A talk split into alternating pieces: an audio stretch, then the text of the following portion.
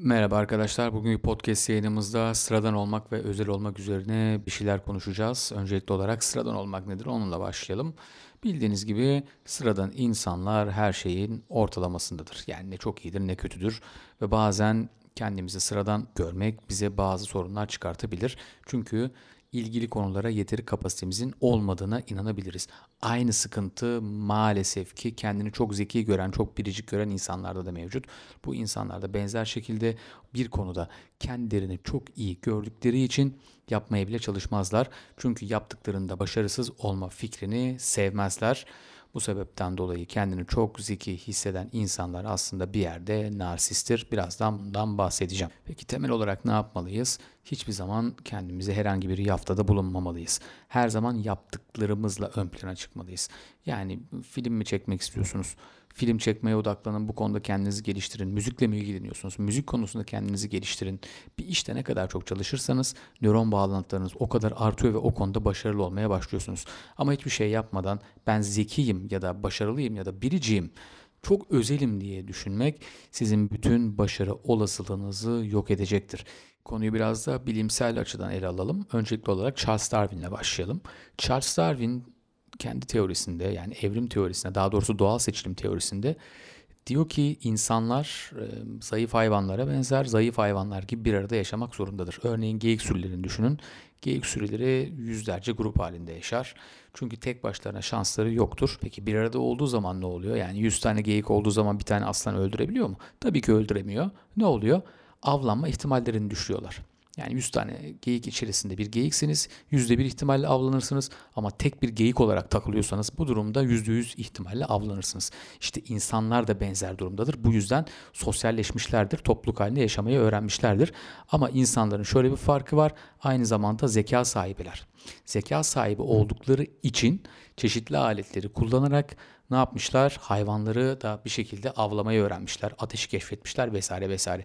Bu şekilde sanayi devrimine kadar büyümüşler. Günümüzdeki en büyük problem bu sosyalleşme olgusundan uzaklaşmış olmamız. Yani toplumdan kopuk hale geldik ve toplumdan kopuk hale geldikçe bireyselleştik ve bireyselleştikçe de narsistleştik ve bu da kendimizi devamlı olarak biricik hissetmeye itti. Şimdi bununla ilgili psikologlar ne diyor? Biraz da buna bakalım. Öncelikli olarak Alfred Adler'le başlayalım. Alfred Adler diyor ki insan doğuştan zaten kendini eksik hisseder ve bu konuda kendini geliştirmeye çalışır. Eğer ailesi tarafından çok sevildiyse narsist olur, az sevildiyse tam tersi kavgacı bir kişiliğe sahip olur. Ama bu kişilik özelliklerinin topluma çıkmadan fark edemez. Topluma çıktığı zaman da bunu bir şekilde düzeltemezse yani bu ailesinden gelen bir şekildeki çarpık düşünce şeklini toparlayamazsa daha kötü hale gelir diyor. Yani yine topluma vurgu yapıyor. Mesela Freud da benzer bir şey söylüyor. İnsan doğuştan zaten e, narsist doğar. Yani bebek zaten narsist karakterdedir. Fakat bunu zamanla kaybeder ve ileride topluma girdiği zaman regresyona uğrar. Yani geriye döner ve tekrardan o günlerine benzer bir paternle kendini biricik hissetmeye başlar. Ve Freud'a göre en zor tedavi edilen hastalıklardan biri narsistliktir. Çünkü bu bir psikozdur ve hasta hiçbir şekilde narsist olduğunu kabul etmediği için tedavide olamaz. Mesela bir başka görüşe geçelim. Sosyoloji temel psikolog Eric Fromm diyor ki çeşitli insan duyguları, örneğin sevgi, kin, güçlü olma tutkusu, boyun eğme isteği gibi karakter farklılıkları aslında toplumsal sürecin ürünleridir. Yani toplum sayesinde bu özellikleri kazanırız. Fakat insan günümüzde bireyselleştiği için bundan kopmuştur. Ki buna temel bağlar diyor. Yani toplumla olan bağları temel bağlar olarak isimlendiriyor. Bu bağlardan kopmuştur diyor. Ve bu bağa dönemediği için çok fazla öfke duyar diyor. Eric Fromm'un tanımladığı dört temel karakterin biri alıcı yönelimli kişilerdir. Bu kişiler bağımlı yaşarlar ve her şeyi satın alabileceklerine inanırlar.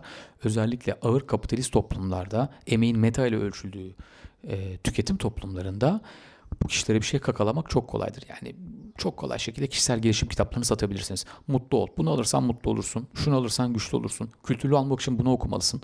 Şeklinde kitapları aldırmak oldukça kolaydır. Psikologlar bir yana bunları bir toparlarsak aslında hepsinin Darwin'in temel görüşüne uyduğunu görüyoruz.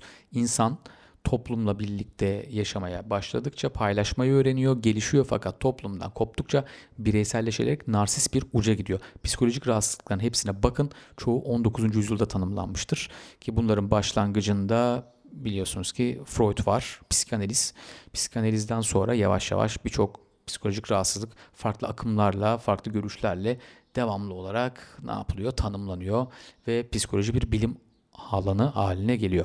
Neden 19. yüzyılda oluyor bu? Çünkü 19. yüzyılda sanayileşiyoruz. Sanayileşen insanlar toplumdan uzaklaşıyor, bireyselleşiyor ve insanların hepsinde benzer bir sıkıntı oluşuyor. Hepsi şunu düşünüyor. Ben özelim, ben biriciyim, istersem her şeyi yaparım. Şimdi her şeyi yapabilir miyiz? Biraz da bunu tartışalım. Demek ki çağın en büyük problemi bireyselleşme ve bireyselleşmeye de birlikte kendimizi çok biricik zannetmemiz. Aslında böyle bir şey yok fakat önce çağın eğrisi nedir bundan bahsedelim. Belli bir popülasyonu bir özelliğe göre kendi içine relatif olarak sıralamaya yarayan tekniktir. Ee, ne olur mesela? Ortalama insanlar büyük bir bölümü kaplar. Çok aptallar veya çok zekiler ise küçük bir bölümü kaplar. Çok zeki kısımda olduğumuzu varsayarsak aslında tek olmadığımızı görürüz. Çünkü çok zeki insanlar içinde de milyonlarca kişi mevcuttur. Yani asla tek değiliz. Parabolik de olsa az miktarda insanı da kapsasa hala o insanlarla birliktesiniz. Ait olduğumuz yer çalışma miktarımız ve IQ'muzla daha çok ilişkili. Jordan Peterson sınıfla konuşurken diyor ki buradaki herkes şu an en az 120 IQ'ya sahip ve sizin akademik başarınız ya da gelecekte yapacaklarınız aslında burada olmanızla ilişkilidir diyor. Tabii ki e, illa IQ'nuzun çok yüksek olması gerekmiyor. Zaten oradaki hiç kimse de şöyle düşünmüyor. Benim IQ'm çok yüksek, ben çok özelim. Veya işte bu kişilerden daha iyiyim diye düşünmüyor. Yanındaki arkadaşının da en az kendisi kadar zeki olduğunu biliyor. Bu sebepten dolayı tek yapması gereken şey çalışmak. Demek ki sosyal bir çevrede herkesin IQ'su yüksekse herkes çalışıyorsa siz de çalışmaya evriliyorsunuz. Çalışmak zorundasınız yoksa başarısız olursunuz. Benzer şekilde kimsenin çalışmadığı ortamda siz de çalışmıyorsunuz. Yani başarısızlık başarısızlığı doğuruyor. Başarı ise başarıyı doğuruyor. Jordan Peterson çok güzel bir şey söylüyor. Herkes her işi yapmaya uygun değildir. Bu bize kişisel gelişim saçmalıklarını sattığı bir yalandır. Demek ki ne yapmamız lazım? Ne olursa olsun çalışmamız lazım. Kendi potansiyelimizi maksimum seviyeye çıkartmak için her zaman maksimuma odaklanmamız lazım. Bu konuda bir çalışma yapılıyor ve e, özgüvenin çalışmayla ve başarıyla daha doğrusu birebir ilişkili olduğu görülüyor. Genellikle özgüveni düşük insanlar zaten başarısız olacaklarını düşündükleri için bir şekilde sınav varken gidip eğleniyorlar. Sonra da diyorlar ki işte ben eğlendiğim için başarısız oldum. Ya da Türkiye'de çok fazla duyduğumuz bir cümle var. Bizim oğlan zeki ama çalışmıyor. Demek ki neymiş? Mesele her zaman çalışmakmış. Herhangi bir bahanenin arkasına saklanmamakmış. Zeki olmasak da emek vermeye devam etmemiz gerekiyor. Ki bunun üzerine de yine bir çalışma yapılıyor. Bu çok eski bir çalışma. Psikolog Wolfgang Köhler öğrenme üstüne diyor ki bazen bir şey üzerine çok uğraşırız. Bu konuda başarısız olduğumuzu düşünüyoruz. Fakat bir anda çözüm gözlerimizin önünde belirir. Ve buna içgüdüsel öğrenme demiş. Ee, bu çalışma alttaki linkte mevcut.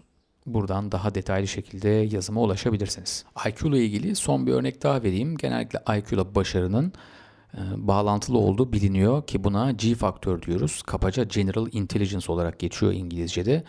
E, buna göre insanın zekası arttıkça yaptığı işte daha başarılı oluyor. Yani pozitif bir korelasyon var bu ikisi arasında. Buradan başarılı insanların genel olarak yüksek IQ'ya sahip olduğunu söyleyebiliriz. Peki ortalama zekadaki insanlar ne yapıyor? Başarılı olamıyor mu? Tabii ki başarılı oluyor ama başarılı olabilmesi için çalışmaya odaklanmaları lazım. Zeki insanla genellikle aptal insan arasındaki en büyük fark çalışma azmidir. Örneğin yüksek IQ'lu bir insan çalışmak istediği konuya oturduğu zaman hevesle yapmaya çalışır. Örneğin kuantum fiziği öğrenmek istiyor. Büyük bir keyifle öğrenmeye çalışır. Öğrendikçe hevesi artar. Hevesi arttıkça daha fazla öğrenir. Ama aptal bir insan oturduğu zaman ne yapar? Anlayamaz bunu. Anlayamadığı için çalışmaktan vazgeçer. Demek ki Zekanın böyle bir olayı var. Fakat siz bir şekilde bu konuyu anlıyorsanız fakat zor kavruyorsanız bunun üzerine daha fazla giderek çalışma miktarınızı arttırmanız gerekir. Demek ki başarı oranınız zeki insanlara göre düşük olsa da yine de şansınız var. Yani şöyle bir örnek verebiliriz. Ee, zeki insanların %80'i belki başarılı oluyor ama ortalama zekadaki insanların %20'si başarılı oluyor. %20'si neden başarılı oluyor? Vazgeçmedikleri ve çalıştıkları için. Bu konuyla ilgili Bukowski'den bir örnek vereyim. Artık ne kadar doğru bir örnek olacak bilemiyorum ama hadi teşbih hatta olmaz diyelim. Bukowski 50 yaşına kadar başarıyı bulamıyor arkadaşlar. 50 yaşına kadar tek yaptığı şey postanede çalışmak, sırt ağrılarıyla mücadele etmek, bol bol bira içmek ve kitap yazmak. Evet, kitap yazmak arkadaşlar. Bukowski yazmayı çok seviyor. Saatlerce yazıyor. Sırt ağrılarına rağmen yazıyor. Hatta tek amacı yazmak ve bu yüzden para kazanıyor. Postanede saatlerce bu yüzden ayakta duruyor. Bu yüzden sırt ağrısı çekiyor ve eve gelip sabahlara kadar yazmaya devam ediyor. Hayatta zevk aldığı iki şey olduğunu söylüyor. Birincisi bira içmek, ikincisi yazmak. Ve bunları yaparken asla çok ünlü bir e, edebiyatçı olacağını düşünmüyor. Asla maddi bir kaygı duymuyor. Tabii ki para kazanıyor. Hatta bazen söyleniyor daha fazla para kazanmak istediğini belirtiyor. Ama asla edebiyat sayesinde zengin olacağına inanmıyor. Ve bir gün geliyor yavaş yavaş basamakları tırmanarak en ünlü sokak edebiyatçılarından biri oluyor. Sizce bunu yaparken şunu düşünmüş müdür? Ben çok zeki, çok biricik bir adamım ve hepsini hak ediyorum. Hayır, sadece yazmayı seviyordu. Önemli olan bu. Ne seviyorsanız onu yapın. Bunun ayrıntılarını Howard Sons'un Çılgın Bir Yaşamın Kollarını Tutsak kitabında da okuyabilirsiniz. Bütün anlattıklarımı tek tek röportajlarla anlatmış. Özet olarak e, şöyle diyebiliriz ki asla kendinize biricik olduğunuzu söylemeyin. Demin de bahsettiğimiz gibi bu toplumdan kopan modern insanın aslında sığındığı bir sıkıntıdır. Bundan uzaklaşın. Benzer şekilde standart olduğunuza da inanmayın. Standart olduğunuzu düşünmeniz de birçok konuda sizi geri adım atmaya iter ve her zaman yapmak istediklerinize yönelerek bol bol çalışın, emek sarf edin. Eninde sonunda vazgeçmezseniz başarıya ulaşacağınızı göreceksiniz. Kendinize iyi bakın. Görüşmek üzere.